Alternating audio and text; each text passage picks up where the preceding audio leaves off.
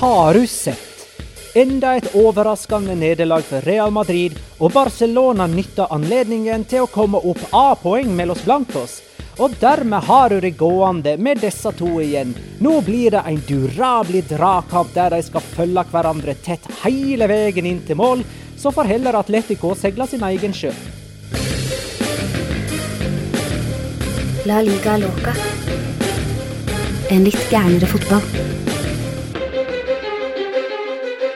Ja, ja, ja. Dette er La Liga Loca episode 150 av det helt ordinære slaget med Petter Veland i Spydeberg. Hallo fra Spydeberg. Hei. Og Jonas Giæver i Oslo sentrum. Hei. Shalom in the home. Og Magnar Kvalvik på Bjerke. Hei. Halla, Magnar. Er det noe nytt å Heia. Er det noe nytt å melde? Løst og fast? Ja, jeg har noe å meddele. Jeg er uh, ute av uh, koronakarantene etter å ha vært i nærkontakt med noen som har hatt korona, korona, så jeg opplevde det samme som det Petter vel hadde for en stund tilbake. Det å få den derre ekle telefonen om at du har vært i nærkontakt med noen, hold deg hjemme, eller ta konsekvensene. Så eh, nå har man jo fått det slik at man kan teste seg ut av eh, karantenen. Så da var jeg på test i går, fikk svar i dag. Tatt de nødvendige telefonene for å få det bekreftet. Ja, jeg er offisielt ute av karantene. Så um, jeg føler meg Så litt som Sergio kan du- Kan du Så nå satt ikke du ti dager i karantene, eller hvordan? Nei, jeg har ikke gjort det, eh, fordi jeg fikk denne telefonen eh, Jeg fikk den av de på, i, i helga, og jeg har også fått beskjed om at jeg har vært i nærkontakt på mandag som var. Eh, så altså med andre ord, de jeg da har vært i nærkontakt med jeg da, fra mandag til den helga, hadde jo hadde ganske mange jævlige telefoner jeg måtte ha tatt da, eventuelt. Eh, eventuelt ikke, for det er ikke så mange jeg har vært i nærkontakt med, skal jeg være helt ærlig. Ehm, men, men det er visst et nytt system nå som gjør at du kan teste deg ut av det å sitte i karantene. Så hvis du tester negativt, og du gjør det syv dager etter nærkontakt, så er du visst uh, i gang igjen. Uh, det er i hvert fall det jeg får beskjed om, så jeg må nesten bare leve etter det. Så bra. Mm. Så da kan du bare slå deg løs og gå på kino og drikke deg full på restauranter og herje vilt, du, da. Men ikke trene. Nei, ikke det. Jeg tror ikke du kan gjøre noe av det jeg sa heller. Jeg, jeg, jeg tror liksom, selv om du ikke er i karantene, så må du egentlig bare holde deg inne. Eh, Ja. så, sånn har hverdagen blitt. Eh, Petter, har du noe koronarelatert eh, nyttig info? Eh, ja, svigerforeldrene mine skal vaksineres denne uka her, så nå er vi på vei. Ikke Det er jo hurra. Det er hyggelig. Det er hurra. Nei, men greit. Da kjører jeg i gang eh, en eh, chop-chop oppsummering av runde 21. Kamp for kamp. Den begynte fredag. Jeg kan jo først nevne at vi, må, vi skal snakke om diverse ting som overgangsvinduer uh, i denne episoden. Vi skal òg snakke om uh, Messi sin kontrakt, uh, har jeg eh, en mistanke om. Eh, Zidane sin eh, stilling i Real Madrid. Og sikkert mer òg. OK, runde 21, kamp for kamp, starta fredag. Valladolid, OSK 1-3. Rafa Mir ble den første OSK-spilleren med hat trick i klubbens primærhistorie. Og dette var OSK sin første borteseier og deres andre seier i La Liga denne sesongen. Den første i 2021. De ligger fremdeles nederst, men får nå litt kontakt med laget over streken med denne seieren. da. Eibar Sevilla 0-2. Lucas Ocampo skåra på straffe. Juan Hordan skåra sitt første mål for sesongen. Sevilla er nummer fire, bare poenget bak Real Madrid og Barcelona, med like mange kamper spilt. Eh, Ingen taper så mange heimekamper som Eibar, seks av ni.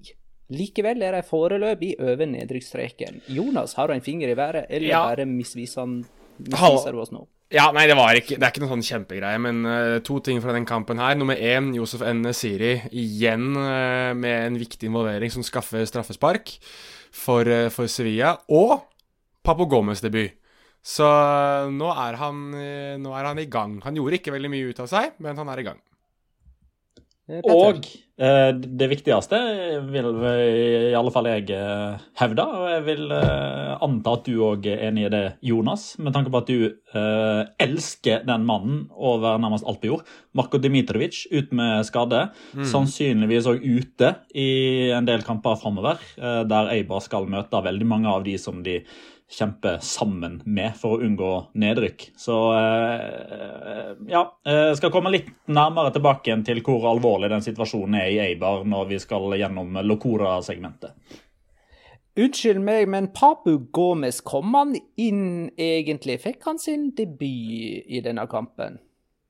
Nei, Men Jeg tror ikke han han kom det. inn, jeg, altså. Ja, da bommet jeg kanskje, da. Men uh, jeg Kanskje så han var i oppvarming, og så tok du det for gitt. Ja, jeg gjorde nok det. Jeg så nok opp på skjermen og så Papo Gomez tenkte Ha!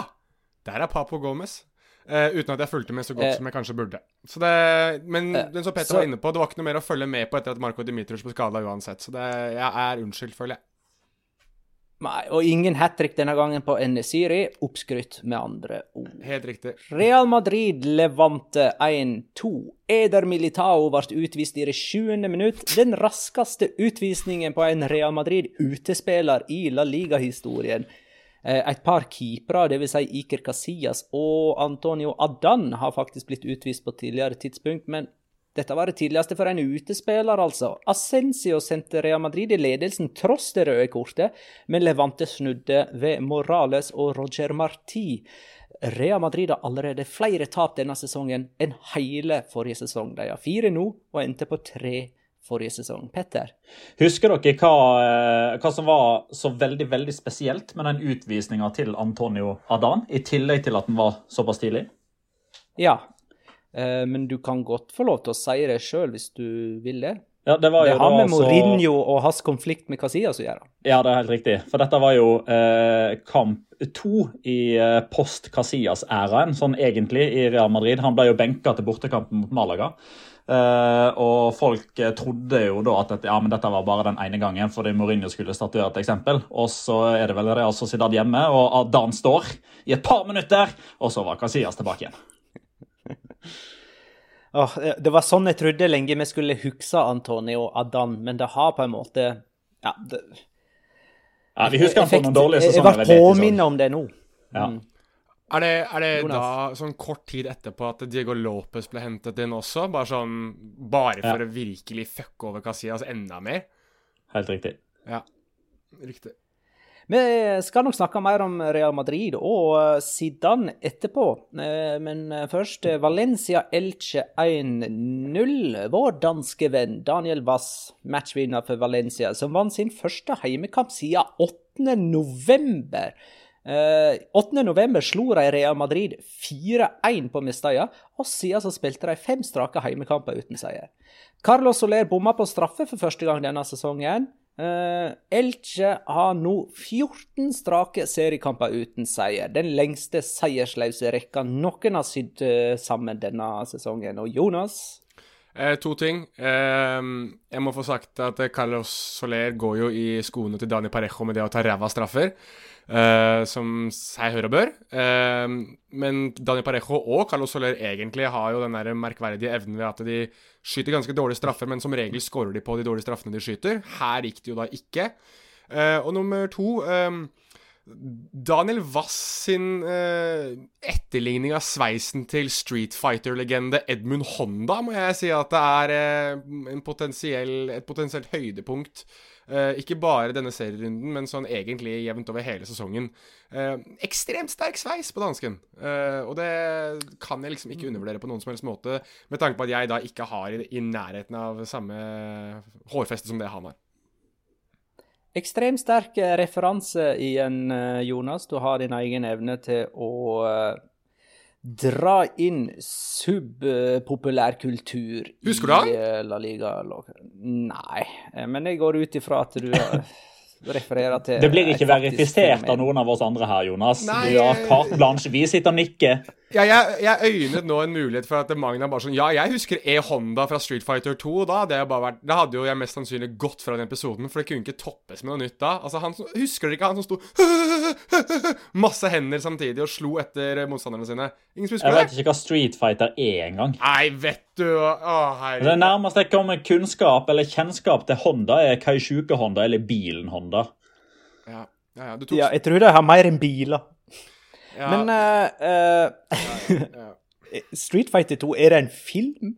Det er en film også, uh, men det er først og fremst oh, ja, det er ikke i utgangspunktet, det. Nei, det er i utgangspunktet et TV-spill skapt av Capcom på 80-tallet. Eh, Ryo, Ken, Blanca, E-Honda, for de som tar noen av de. Jeg er Altså, jeg trodde du, jeg trodde du i hvert fall ville vite hva det her var for noe, Magnar. Du er jo faktisk, Ja, jeg- du er jo faktisk litt spillnerd, du òg. Ja, jeg har spilt Tekken. Det er vel det nærmeste jeg Ja. kommer eh, sånn type Street Fighter-opplegg. Men jeg har sett en Street Fighter-film med Jean-Claude Van Damme Ja, og. Kylie Minogue. Den er ræva. Nei, den er fantastisk. Jeg vil anbefale alle å se Street Fighter. OK, nå må vi videre. Ja.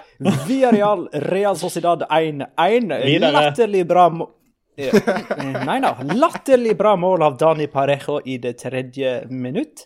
Alexander Isak utligna i det tre tredje overtidsminuttet. Villarreal er det laget som spiller mest uavgjort av alle. 11 av 21 seriekamper har enda uavgjort.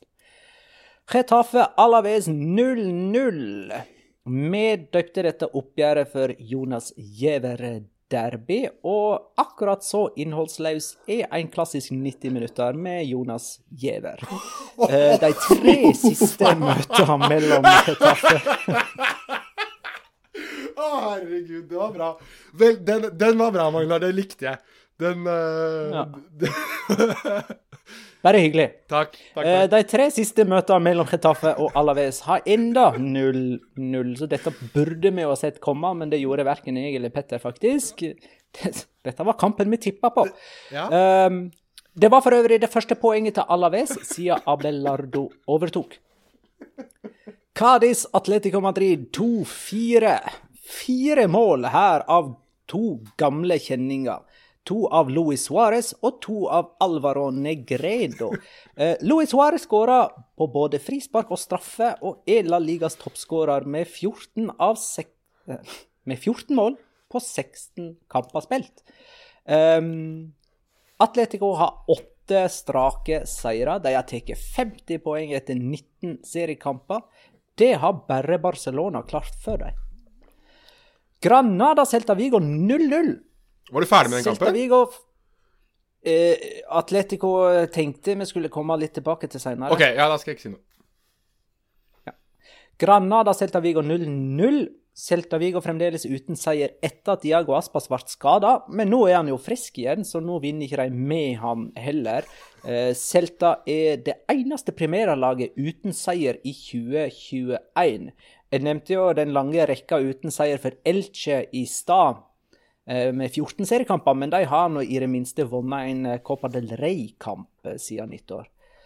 No. Barcelona Athletic 2-1. Ja, dette var tredje gang i januar at disse to lagene møttes. Det ble 13 mål på de tre kampene. Atletic vant Supercopa-oppgjøret, mens Barcelona vant begge serieoppgjør. Messi skåra på frispark for Barcelona. Antoine Griezmann ble matchvinner for dem etter at Jordi Alba hadde skåra sjølmål til 1-1. Jonas. er eh, Oscar Mingesa den mest eh, malplasserte bekken siden Mathieu? Ifølge det sportslige utvalget i Barcelona så er han jo det, basert på den uh, rapporten som uh, lakk. Det lekker mye i Barcelona for tida. Da tenker jeg ikke nødvendigvis defensivt med antall baklengsmål, men eh, ganske mange agendafylte personer som vi ikke veit hvem er i og rundt klubben, som driver og eh, fyrer ut eh, dokumenter til både El Mundo og andre, andre aviser. Hva er greia med Mingesa?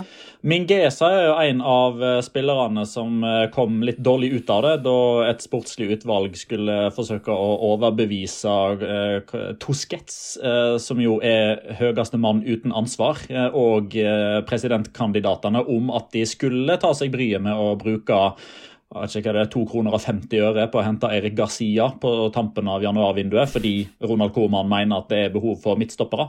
Eh, og Det ble jo da veldig sånn kort og greit. Så ble jo Omtiti og Junior Firpo og Mingesa eh, ble jo omtalt i eh, Jeg skal ikke si uheldig ordelag, men eh, det virker ikke som at man tror at det er gull og grønne skoger rett rundt neste sving der.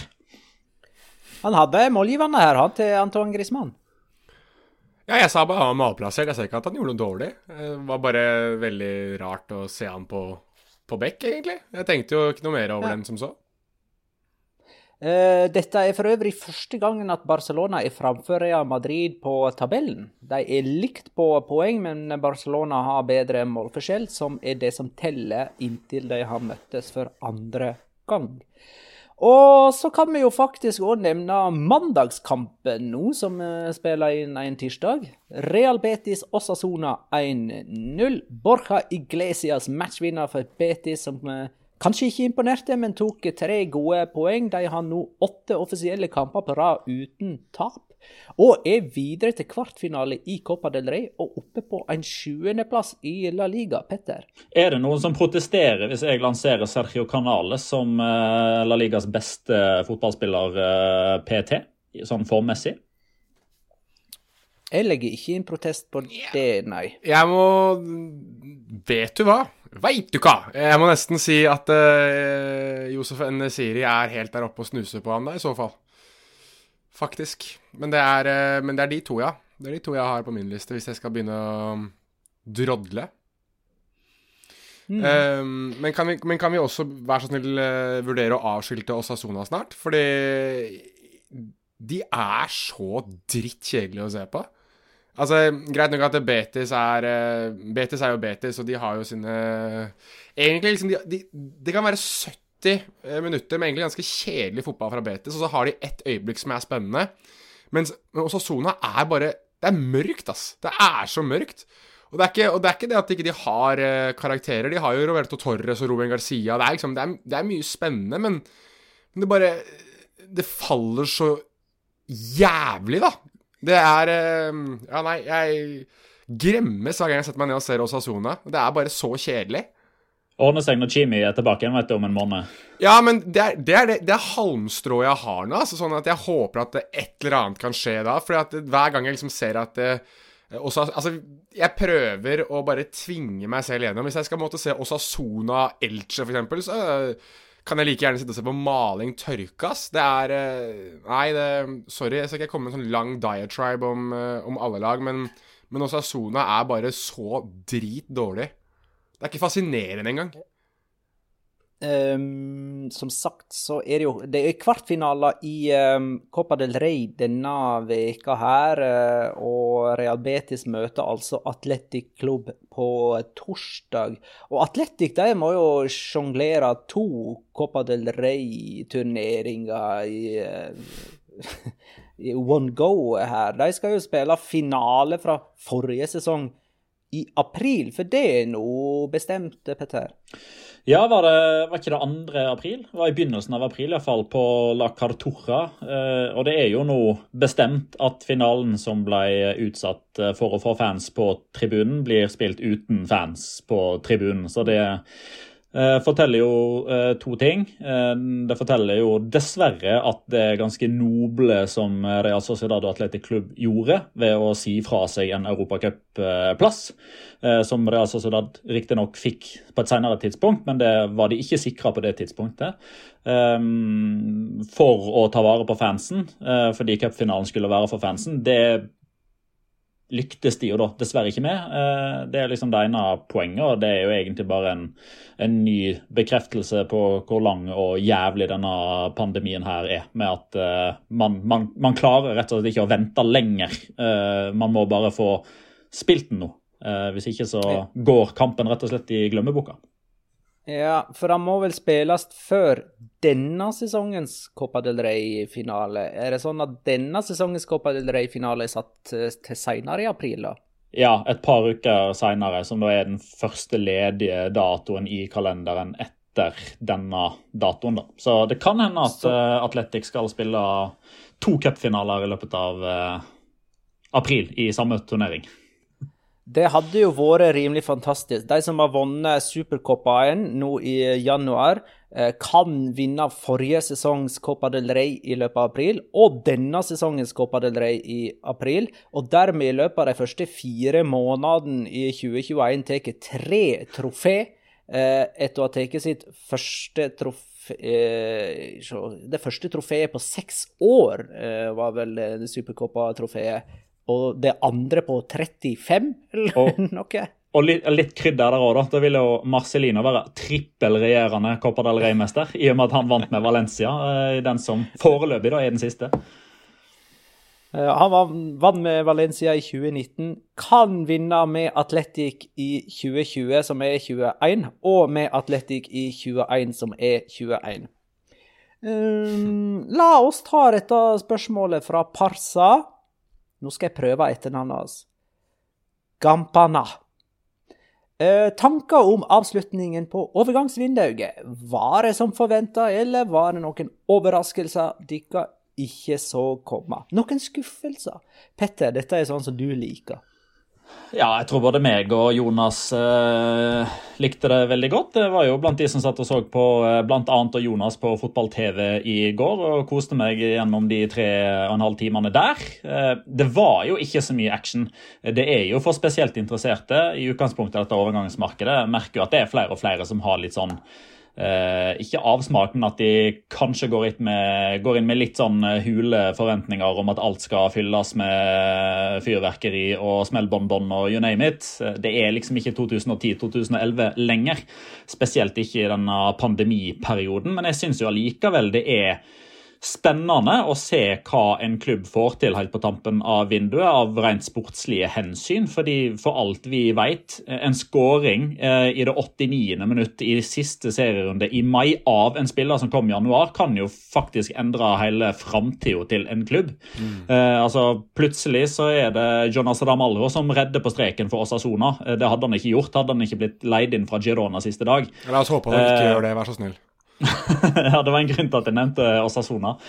Uh, men altså, det var jo ikke så mye snacks, det var jo ikke det, og det er jo som regel ikke det januarvinduet heller, fordi da er det ganske sjeldent at Barcelona, Atletico Madrid og Real Madrid uh, beveger på seg. Det var, jo, det var, jo, ikke noe bevegelse i de tre klubbene der uh, på den siste dagen. Det var det jo heller ikke i Villarreal. Sevilla slapp Osama Idrissi tilbake til Nederland i jakt på litt uh, spilletid, etter at han ikke har klart å jeg, få kickstart på karrieren der. Der det skjedde mest, var jo for så vidt Elche, der eh, Christian Barganic eh, bare fant fram motorsaga og skar av alle unødvendige kvister på det treet som er i ferd med å visne. Um, si, skal liksom trekke fram den, den ene overgangen som man kanskje kan stille bitte lite grann forventninger til så sliter jeg med å finne en kandidat.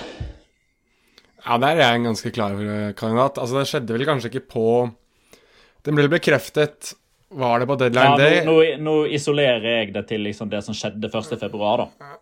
Ja, altså, Papo Gomez for eksempel, kan jo eh, være veldig spennende, men det skjedde liksom ikke på deadline day. Jo da, men jeg vil vel tenke at 1. februar, 31. januar, de to dagene må man Den ene på en måte blir jo ferdiggjort akkurat før man har kommet over til 1. februar. Og det er vel Ferro, altså midtstopperen til Benfica som nå har gått på lån til Valencia. Altså Hvis det er et lag som har grått etter en midtstopper, så er det jo Valencia. Sånn Greit nok at jeg har på en måte gjort det til en vanesak å, å kritisere Valencia-forsvaret litt sånn på pur F innimellom også, men sånn oppriktig talt så tror jeg Valencia har hatt veldig godt av en, et ansiktsløft i midt, midtforsvaret sitt. Og, og, Ferro er jo en type som har kommet litt i, i skyggen av, av, Ruben Diaz, da, som nå er i Manchester City. Uh, og jeg ville jo tro at uh, altså Med all respekt til de som er der, nesten alt mulig er en oppgradering på de som Valencia allerede har i midtforsvaret sitt. Så jeg tror ikke han kan komme inn og gjøre en så veldig mye dårligere jobb. Um, og Valencia er vel kanskje den klubben som ser i hvert fall hvis vi, hvis vi setter de siste 48 timene, så har Valencia i hvert fall vært den klubben som har prøvd å gjøre mest, virker det som. da. I det at det hentet Christian Oliva, uh, Ferro og Hjelp meg, Patrick Otrone. Eh, som da er eh, holdt på å si, forsterkninger både i forsvar, midtbane og angrepsleddet. og og ja, Javi Gracia har i hvert fall fått inn de, noen spillere. da, Han har vel egentlig sagt at han bare vil ha forsterkninger, og det har han jo i sum fått der. Um, så får vi se hvordan de klarer å venne seg til, til det å spille i, uh, i, La Liga, og hvordan de også forholder seg til det at de alle er på lånekontrakter. Det syns jeg er litt sånn halvveis interessant å se. At det er masse lånesoldater som Valencia henter, at det er ingen som de, som de på en måte har knyttet seg noe lenger til enn nødvendig. Det er jo litt pga. økonomi, men også, også, litt det at uh, jeg vet ikke om spillere har lyst til å knytte seg til Valencia, i hvert fall ikke som på en måte har en ambisjon om å gå ganske langt. Spesielt typer som Ferro. Um, men ja, nei, det er, det er, dem de jeg har vært mest imponert over, da, hvis jeg kan si, uh, si noe sånt. Og så tror jeg um, jeg syns det er litt rart, hele, hele den Celta-situasjonen. For de satt jo med to spillere som de skulle hatt inn. Den ene var jo Facundo Ferreira, som vi husker som en flopp i Español. Og andre var eh, Franco Servi, eh, som egentlig har vært ganske imponerende for Benfica tidvis. Men det var jo veldig merkverdig da han plutselig var i startoppstillingen til Benfica i deres kamp mot Sporting i går. og da da den kampen ble blåst av, så var det vel typ ti minutter til overgangsvinduet stengte. Og han var jo nesten opplest og vedtatt klar for, for Celta allerede, så den, den har jo havarert helt. Så... Det som skjedde der, var visstnok at uh, det er jo et pågående ut, utbrudd av covid-19 i Benfica som gjør at de ser at de, jeg, de neste dagene og ukene så kan det være litt skralt på antall spillere tilgjengelig dersom uh, jeg, utbruddet går sånn som de frykter. Og derfor så ville de ikke risikere å jeg, sitte igjen med enda en mindre, eller enda en spiller mindre, da. Jo da. Facundo Ferreira dreit i, da. Det er jo greit. Jo, men han, han var fristilt dagen før, ja, da, så han, jeg, der, var det, der var det gone. Men, men en, sagt, en, hvis du var ferdig, så ville jeg gjerne ta et uh, punkt. Ja, jeg skulle bare si det at uh, jeg tror liksom ikke at de kommer til å savne Facundo Ferreira noe særlig. Det var det som var poenget mitt. Nei, det tror ikke jeg heller. Men uh, sånn apropos forventninger. jeg har ikke noen store forventninger til vedkommende.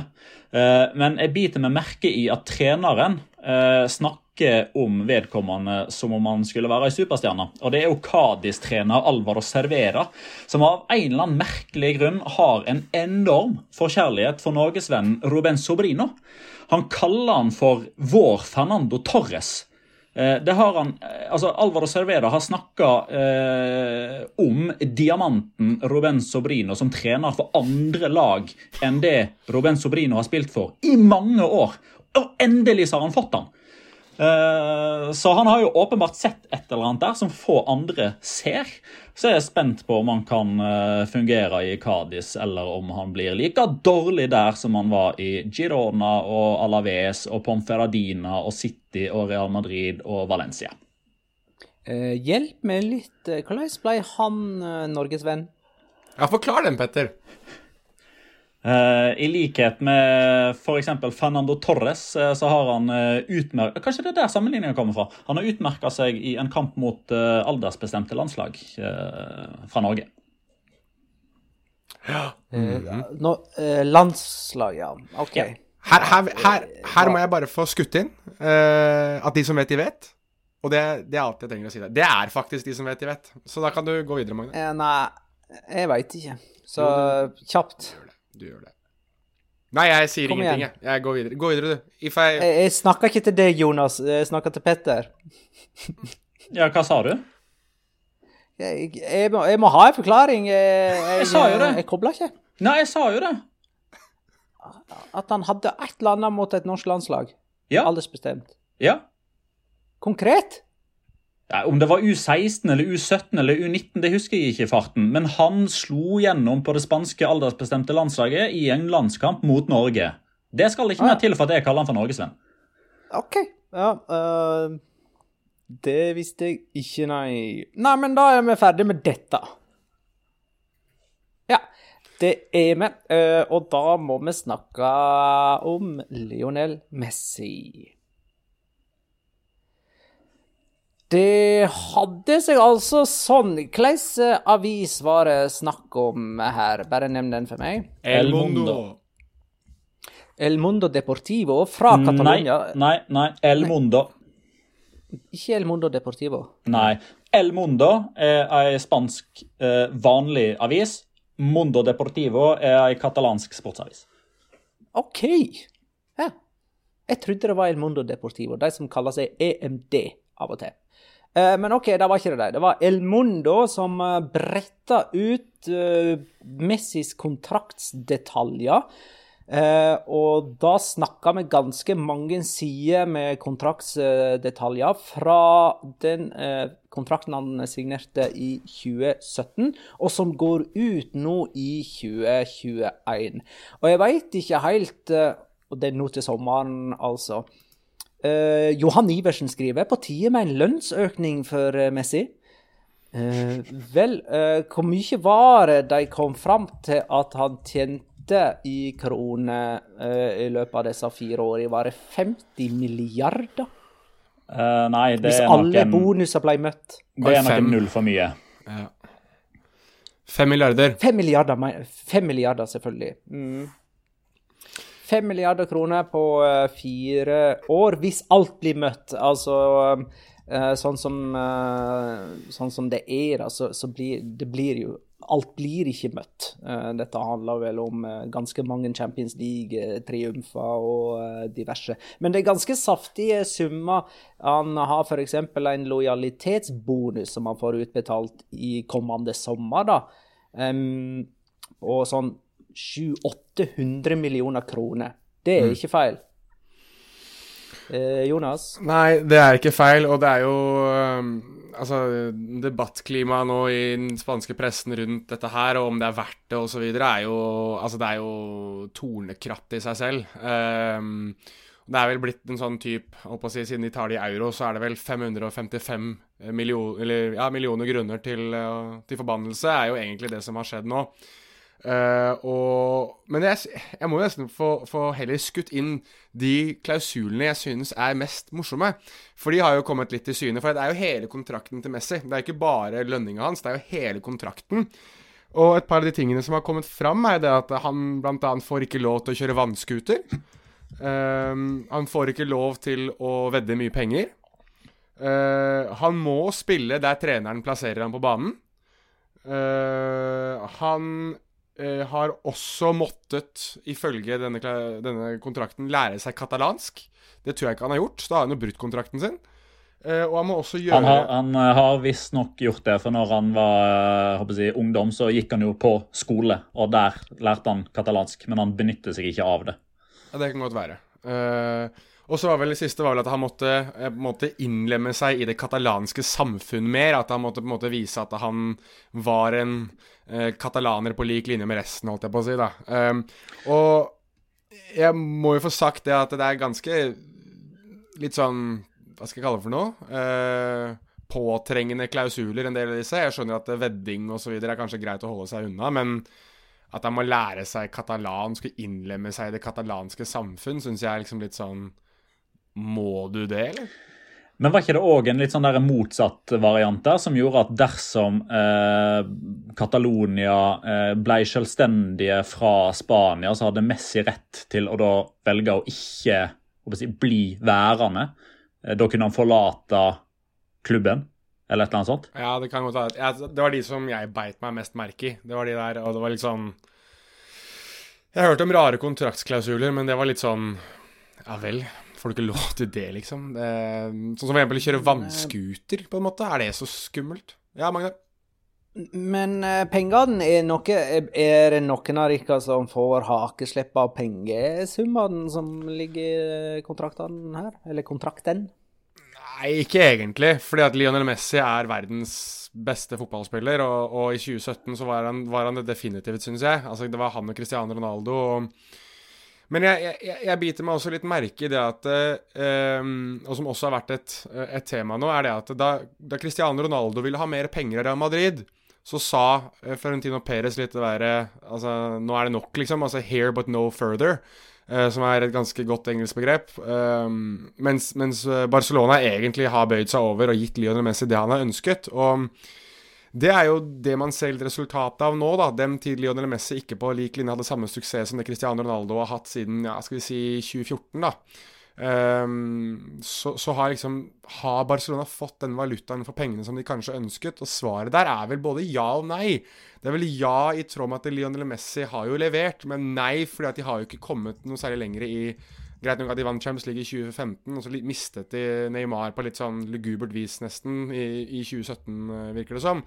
Eh, med utkjøpsklausul og vondt verre. Men, men, det at Lionel Messi har tjent så mye penger, har jo også gjort at Barcelona har hatt større begrensninger på et overgangsvindu, som gjør at de ikke har hatt muligheten til å forsterke seg og ta opp kampen med, med Real Madrid. Så det har vært en sånn catch 22. Altså at du har ikke kunnet la Messi gå, men det at du ikke har latt Messi gå, gjør at du ikke har kunnet hente virker det som, da, den type spillere som kanskje kunne vært med på å gjøre at Lionel Messi hadde den suksessen som han definitivt uh, og udiskutabelt hadde fortjent. Så um, jeg syns, Olé, uh, den argentinske avisen, hadde en ganske god overskrift hvor de egentlig satte opp alle tallene til Messi. Mål, assist, kamper. Og så under så hadde de skrevet uh, ja, han var faktisk verdt det. Ja, det er jo òg en, en som heter Mark Menchen, Uh, som er um, Han jobber i et selskap som heter Two Playbook. Uh, jeg kjenner ikke til dette. her, Han refererer til en Marka-artikkel. Uh, som jobber innenfor økonomi, som har studert si begge sidene av saken. Den ene som jo er blåst på forsida av El Mundo, er jo hvor mye Messi koster. Det andre er jo den andre viktige variabelen her hvor mye tjener Barcelona på å ha han. Mm. Eh, og de her har jo kommet fram til eh, Det er jo et ganske grovt anslag fordi man har ikke nødvendigvis full oversikt over hvor mye av Altså hvor mange prosent av inntektene Messi står for, sånn ned i, i detalj. Men de kunne si at eh, et eller annet sted mellom 130 og 200 millioner euro årlig komme inn på bakgrunn av at sponsorer, TV-selskaper osv. verdsetter Barcelona mye mer pga. Messi. Så sånn sett så går det i pluss. Men det som gjør at dette her blir slått opp så voldsomt, det er det jo mange årsaker til. Altså For det første er det jo fordi det er den største kontrakten fotball, eller idrettsverden har sett noensinne. Ingen har eh, vært borti sånne tall noensinne, ikke engang i andre idretter i Amerika, som jo er kjent for disse monsterkontraktene som går over mange år. Eh, den andre er jo at det kommer på et tidspunkt der klubben blør noe så inn i granskauen. Eh, der syns jeg jo man er veldig eh, dårlig på å unnlate å si at denne kontrakten der ble ikke inngått når det var en pandemi. Eh, denne kontrakten ble inngått i 2017, der absolutt alt tyder på at det ikke skulle komme en ukjent årsak som gjorde at klubbøkonomien til Barcelona stupte. Og den tredje tingen Hva var det? Um, det var en ting til som jeg satt og tenkte på her, uh, men det har uh, jeg glemt. Da kan jeg ta det som jeg tenkte på, da, som jeg også har sett som en argumentasjon andre veien, er jo det at uh, selv om Lionel Messi var, var, jo med sammen med resten av Barcelona-troppen på det å ha et lønnskutt i en periode der, så har han jo fått en del kritikk for at han ikke har signert ny kontrakt med mindre lønninger, altså typ det var vel Clamé Longlet Uh, Frenkie de Jong eh, og et par andre også har gjort. Altså Piquet og Testegen Ja, Testegen er det. Som har tatt lønnskutt. Det har jo ikke Messi gjort. Messi har jo ikke signert ny avtale og gjort de tingene der, og det er jo litt sikkert i tråd med at han ikke har hatt lyst til å være der. Eh, at han har gjort det ganske tydelig at han ville gå, og derfor så tar han klubben for det, for det han kan ta de for, da, egentlig. Og det er jo på en måte hans rett, men samtidig så Når de numrene her, de sifrene her kommer ut, så går jeg tilbake igjen til det jeg sa for en tre-fire-fem episoder siden, at jeg lurer veldig på hvordan ettermælet til Lionel Messi blir seende ut i Barcelona. Um, og det er jo åpenbart at det er noen som har prøvd å sverte det enda mer nå ved å lekke alt dette her. For det er jo Det virker temmelig åpenbart at det er noen på mm. innsiden av Barcelona som har gjort sitt for å ødelegge for Lionel Messi. Ja, for um, En av grunnene til at Messi ikke forlot Barcelona forrige sesong, eller før denne sesongen her starta, var at han ikke ville gå i en rettstvist uh, med dem. Men uh, med disse detaljene her, så kan det jo hende det blir det likevel. Sånn som jeg har forstått det, så fantes det fire eksemplar av uh, denne kontrakten. Det ene eksemplaret har Messi. Det andre mener jeg er advokatfirmaet hans som har, og så er det to eksemplarer som Barcelona har. og La Liga. La Liga har jo et eksemplar, selvfølgelig. Mm. Og, det, det... Eh, og, og, dermed så må jo lekkasjen ha kommet fra en av de fire. Ja, og, og det, det, var den tredje tingen som er den store greia her. Hvem har eh, lekt dette dokumentet, og hva er agendaen til vedkommende? For disse El Mundo-journalistene har jo åpenbart ikke altså det, Dette er jo gravejournalistikk på høyt nivå, men de har jo ikke funnet en spade og gått inn i hagen til Messi og gravd opp dokumentet. Noen har jo gitt de tilgang til dette her. Eh, så det var veldig mange som eh, insinuerte ganske kraftig at dette er Bartomeo. Eh, han sendte jo tekstmelding til programlederen på katalansk TV3 for å bedyre si uskyld når de satt i studio og eh, jeg, lanserte han som en mulig kandidat.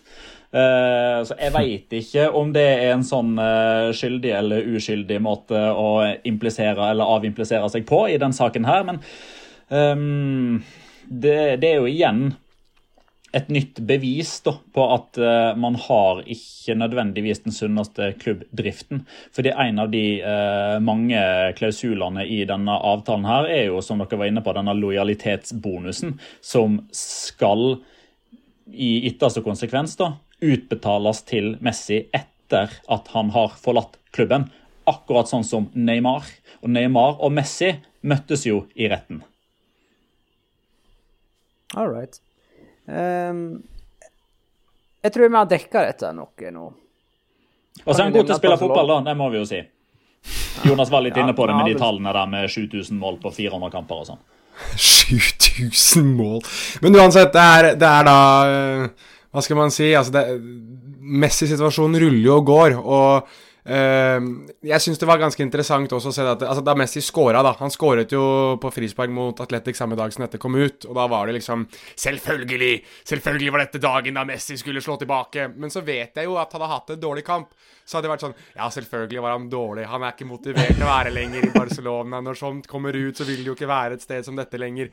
Så det er liksom Man fikk, uh, man fikk uh, eh, 555 millioner grunner til å diskutere han en gang til. Ok, og onsdag denne veka, altså 3. februar, så møter Barcelona Granada borte i Copa del Rey kvartfinale. Og det er altså denne sesongens Copa del Rey. Um, vi går videre og tar dette spørsmålet fra Daniel Cobolone, eller Cobolone. Um, Ryktet, inkludert Marka, sier at det allerede er sikkert at Zinedine Zidane forlater Real Madrid på slutten av sesongen. Hva syns dere om saken, og hva tror dere kommer til å skje? Petter? Bare knapt, eh, kjapt skyte inn her i rein eh, Jonas Gjæver-steil. Jeg tror dette er sønnen til Rafael Kobo. Eh, Real Madrid-supporterlegenden som var på uh, noen studiosendinger i TV 2 for en 10-15 år tilbake. Så uh, hils faderen hvis han ikke hører på sjøl. Daniel, var det det? Daniel? Mm. Ja. Eh, Zidane, ja, jeg ser det kom jo Jeg lurer på om det var Carlos Carpi og jeg, som er visedirektør i Marca, som skrev at nå er Messi Nei, Messi, faktisk. Eh, Zidane. Eh, og eh, spillergruppa helt på kollisjonskurs. Eh, Zidane er fortsatt ikke enig. Dette her er visstnok, da. Eh, Zidane er fortsatt ikke enig i at klubben trenger en eh, overhaling, et generasjonsskifte, og at det er på tide å bytte ut disse gamle heltene som fortsatt håper jeg, leverer på et OK nivå.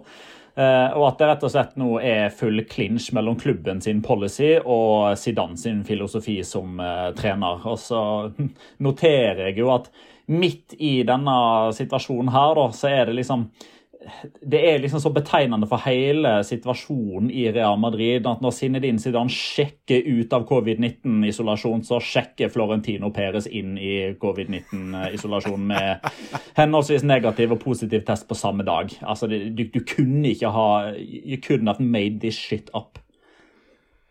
Eh, I Zinedine Zidane eh, sin første periode tapte Real Madrid 16 av 149 kamper.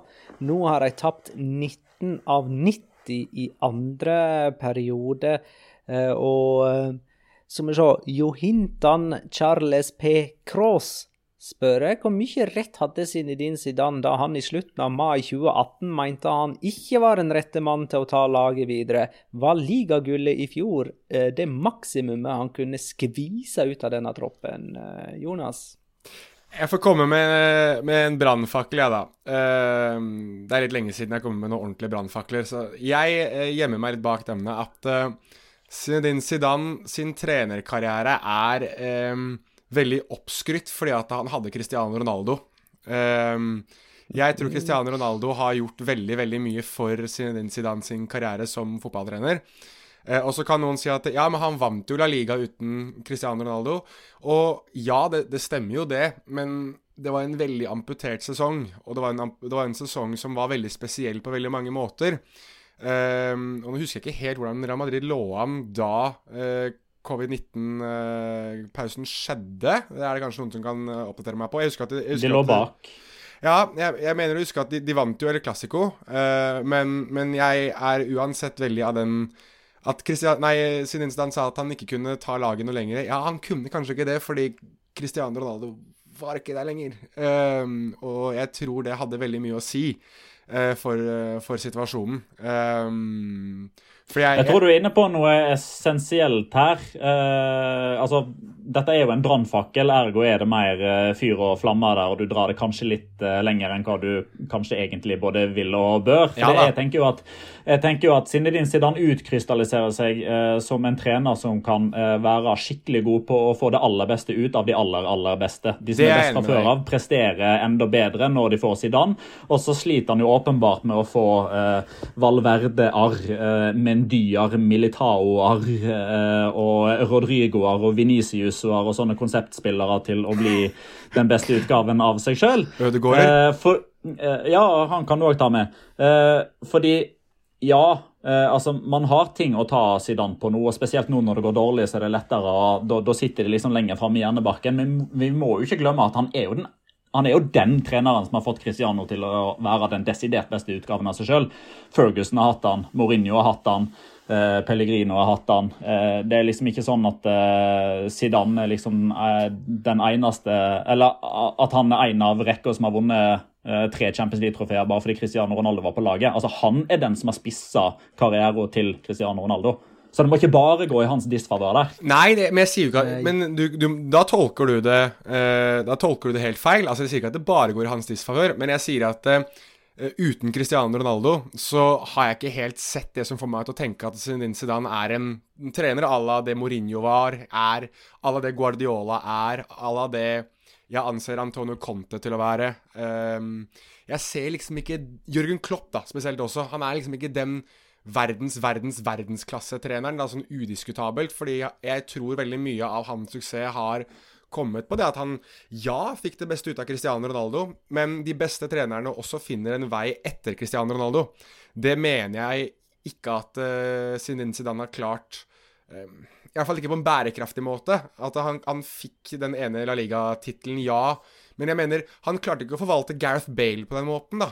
Og greit nok skal man si at ja, men hvem klarer å forvalte Gareth Bale? Ingen gjør jo det. Og når man ser Gareth Bale nå i Tottenham, så er han jo bare et, et skall av seg selv. Men samtidig, det er den type spiller som du skulle tro at, eh, at Zidane hadde da klart å sparke ordentlig i rumpa og få til å, å prestere, da. Og det er liksom Da er vi litt inne på det at ja, skal du servere det til ham, ja, da må han jo også gå ut fordi at han, at han skal signere spillere. Det gikk jo mange, var mange somre på rad der hvor han ikke gjorde det. Hvor Real Madrid rett og slett ikke valgte å signere bedre spillere enn det de gjorde. Han har ikke fått det beste ut av Eden Hazard heller. Uh, og I jakten på utligning i denne kampen mot uh, Levante, så satte han altså inn på Mariano Diaz, Venicius og Sergio Arribas, som fikk sitt andre innhopp i La Liga. Nå ser ikke Real Madrid-stallen uh, særlig brei ut. Isco var ubrukt reserve for øvrig. Ja, og han ble jo ifølge rapportene fly forbanna for å på mange måter bli ydmyka på den måten der, med at han ble stående igjen, mens uh, Sergio Arribas, uh, som uh, ganske få har hørt om Det er selv Real Madrid-supportere som sikkert satt og lurte på hvem i alle dager er det som kommer inn nå, og hvorfor blir ikke Isco brukt. Så det var jo etter sigende en ganske irritert Isko som ba agenten gjøre et siste desperat forsøk på å komme seg bort derifra, fordi det kom et, et EM-sluttspill kommende sommer. Og jeg må jo si at det er jo godt å se at selv om Isko er dårlig hver gang han spiller fotball, så har han fortsatt troa på seg sjøl. Han drømmer om EM. Han skal ha for det. Han har fortsatt sjøltillit. Så gjennom januar da ser det ut som at Real Madrid har mista tre titler. Supercopaen og Copa del Rey er bekrefta, og kanskje òg La Liga, nå som de er ti poeng bak Atletico Madrid, som fortsatt har en kamp til gode. Eh, dette var Real Madrid sitt tredje heimetap for sesongen og de tapene kommet mot Alaves, Cádiz og Levante, som de ikke kommer til å møte i denne superligaen de har lyst til å spille. Eh, de fire tapene til Real Madrid denne sesongen har kommet mot lag som for øyeblikket er nummer 9, 13, 14 og 18 på tabellen. Ja, ja. Vi får se hvordan det går med Real Madrid til helgen når de møter Uesca på bortebane. Atletico Madrid har altså 50 poeng eh, etter halvspilt eh, sesong. Det betyr 100 poeng til slutt. Eh, de slo altså Cádiz 4-2 nå i helgen med Luis Suárez fortsatt i kanonform. Og Jonas, du hadde jo lyst til å snakke om denne kampen her. Ja, eller det var vel mer den eh, Den derre, hva skal jeg si for noe eh, Man virkelig uthevet hvilken dominans da Atletico Madrid tydeligvis har i La Liga. Når du Altså, Diego Simione på angrepsbol, da. Setter Marcos Llorente og Saul på hver sin uh, wingback, liksom. Bare sånn for å utheve at her skal det angripes. Um, og da blir jeg liksom Jeg synes det er um, Eh, litt sånn finurlig, men samtidig fantastisk gøy at eh, Diego Simione eh, Han måtte liksom ha ti poeng eh, forsprang på neste lag og én kamp mer spilt for å Eller mindre spilt, mindre. Eh, ja, mindre spilt for å liksom bare Nei, fuck it. Nå går vi for angrep fra start som uten hemninger. Uh, og her er det jo Dette var jo en kjempemorsom kamp, da. Det var jo en, uh, en underholdende kamp fra start til slutt. Og Uh, nei, jeg liker denne litt sånn uh, offensive versjonen av Diego Simione. Nesten som er gått inn i en litt ny dimensjon her nå. Hva tenker du, Petter? Men, jeg tenker det at jeg, jeg, var jo sikker på at når du begynte på resonnementet ditt med at det måtte ti poengs forsprang og én kamp mindre spilt til for at Simione skulle så var jeg sikker på at ah, nå har han endelig sagt at nå er de med i tittelkampen. Men nei da. I La Liga så ligger det bananskall rundt hvert hjørne. Det var svaret hans på spørsmålet. Så eh, ikke engang nå er de i favorittsjiktet. Nei, nei, nei. Det, det partido a partido til han dør. Det kommer til å stå det på begravelsessteinen hans. Cholismo. Cholismo. Morostatistikk fra Atletico Madrid. Saul skåra jo her. Han har skåra i 42 kamper for Atletico, og Atletico har ikke tapt noen av dem. Det er jo litt moro, da. Og så, uh, i tillegg til at Luis Suárez da skåra to mål, så var det altså disse Atletico Madrid-kjæledeggene, Saul og Kåke, som skåra de to andre. Alt er liksom bare fryd og gammen i Atletico Madrid eh, om dagen. Er det noen som har for seg hva som er Atletico Madrid sin neste kamp? Skal vi se. Det kan jeg finne ut uh, ved to tastetrykk her. Uh, det er hjemme mot Celta de, de, har faktisk, av alle ting, så har de mandagskamp. Ja. ja. Så vi får ikke snakke om den neste uke, vi da? Vi får ikke snakke om med neste uke, da. Men vi må i alle fall bli ferdig med mandagens innspilling før klokka ni da, den eh, kvelden. Sånn, ja, før klokka åtte. Lineups og sånn, vet du. ja, det må, vi må tvitre lineups. Kommenterer ikke du den? Jeg eh, nøyer meg med OSK Real Madrid og Real Betis Barcelona til eh, den kommende runden. Uh, nei, men jeg tror vi skal kåre rundens spiller. Vi snakker altså om runde nummer 21 sånn offisielt uh, da. Nå begynner det faktisk etter hvert å se ut som at uh, Altså, det er ikke så store variasjoner i antall kamper spilt på den tabellen nå. Det er ganske mange lag som faktisk har spilt 21 kamper. Eh, men òg noen som er nede på 19 og sånt, da. Men ja.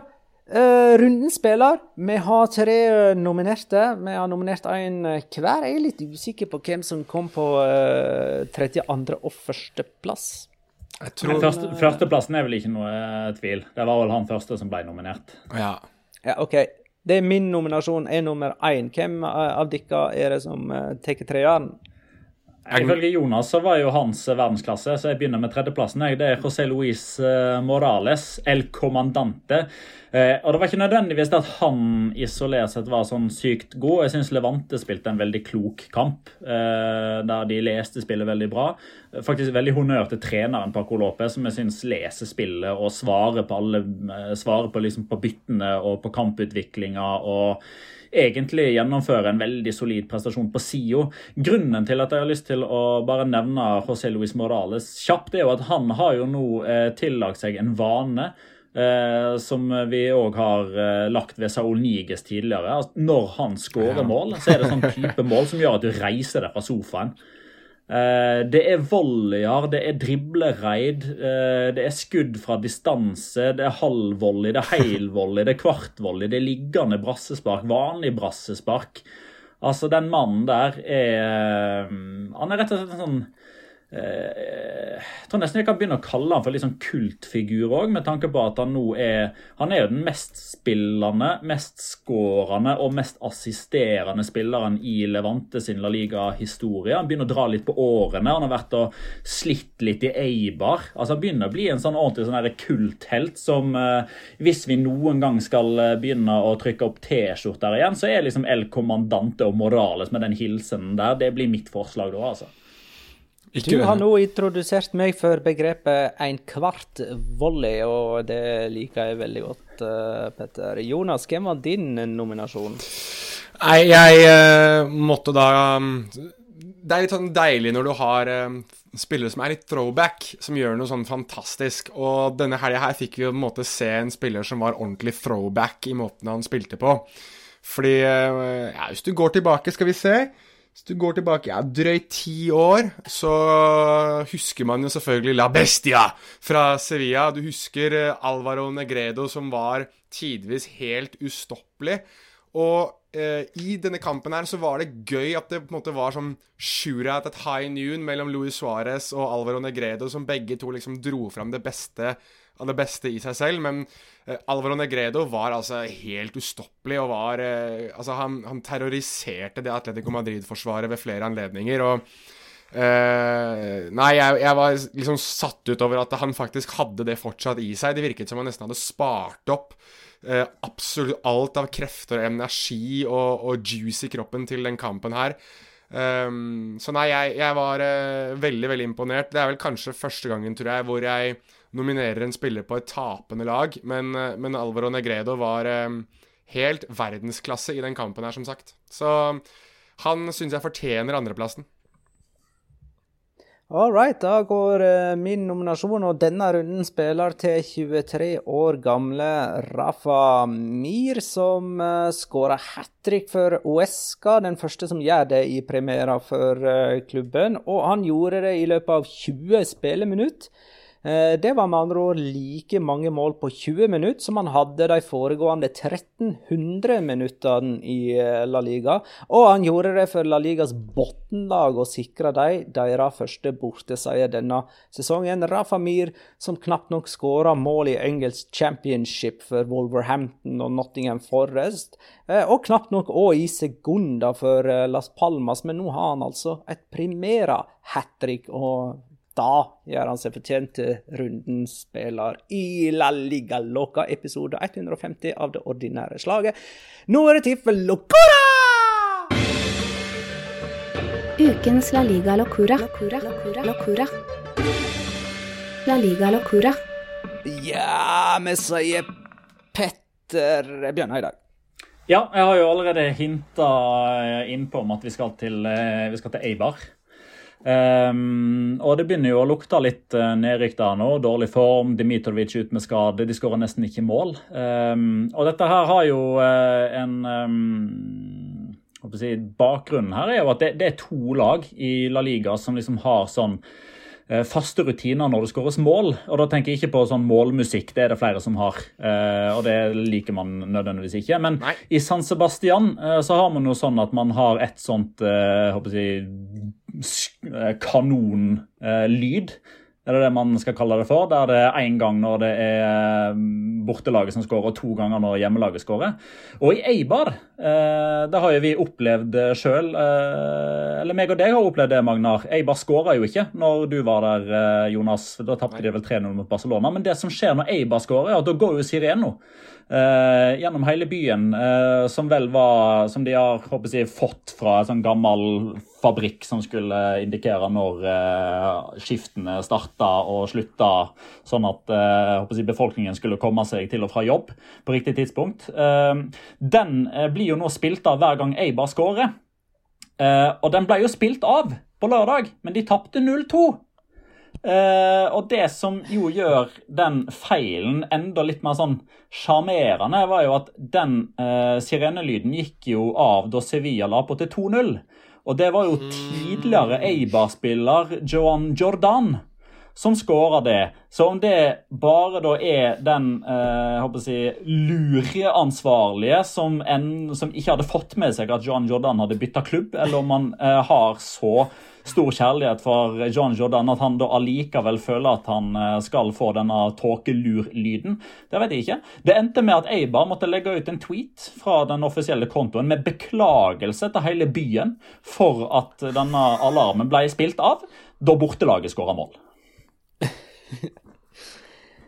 Min locora går til det faktum at Diego Simione nylig klaga over at Atletico Madrid ikke er gode nok på frispark og skåra for sjelden på det, mens han har hatt Luis Suárez i stallen i halve sesongen, og først nå lot han få skyte. Eh, Luis Suárez eh, skåra jo da, selvfølgelig, på frispark når han endelig fikk eh, sjansen. Han fikk jo ta minimalt med frispark i Barcelona, selvfølgelig, så kanskje var det derfor ingen visste hvor god han var på akkurat det.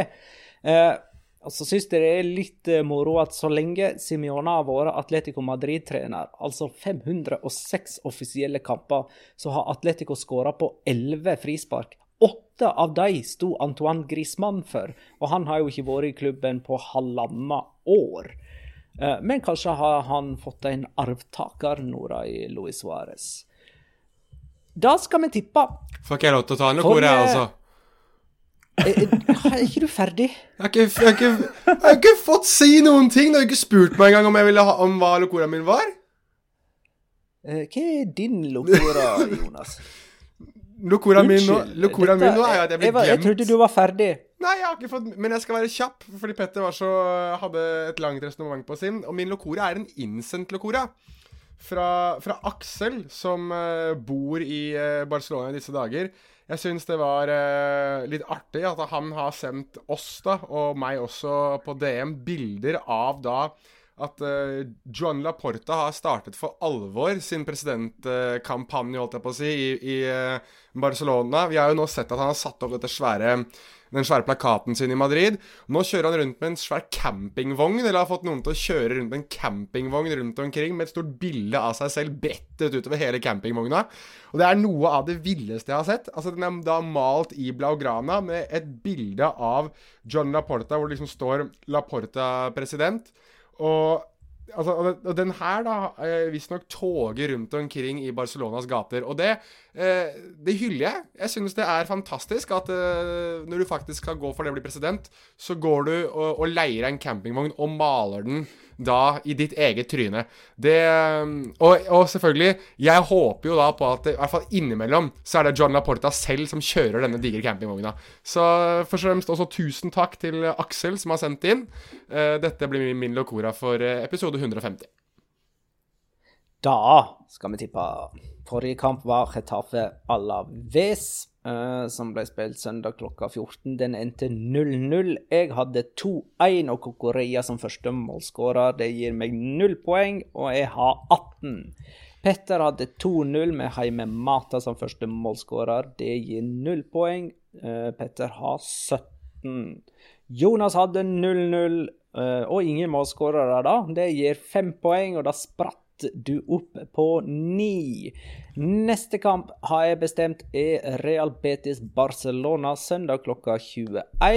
Jeg eh, sier 1-2 og Dembélé som første målskårer.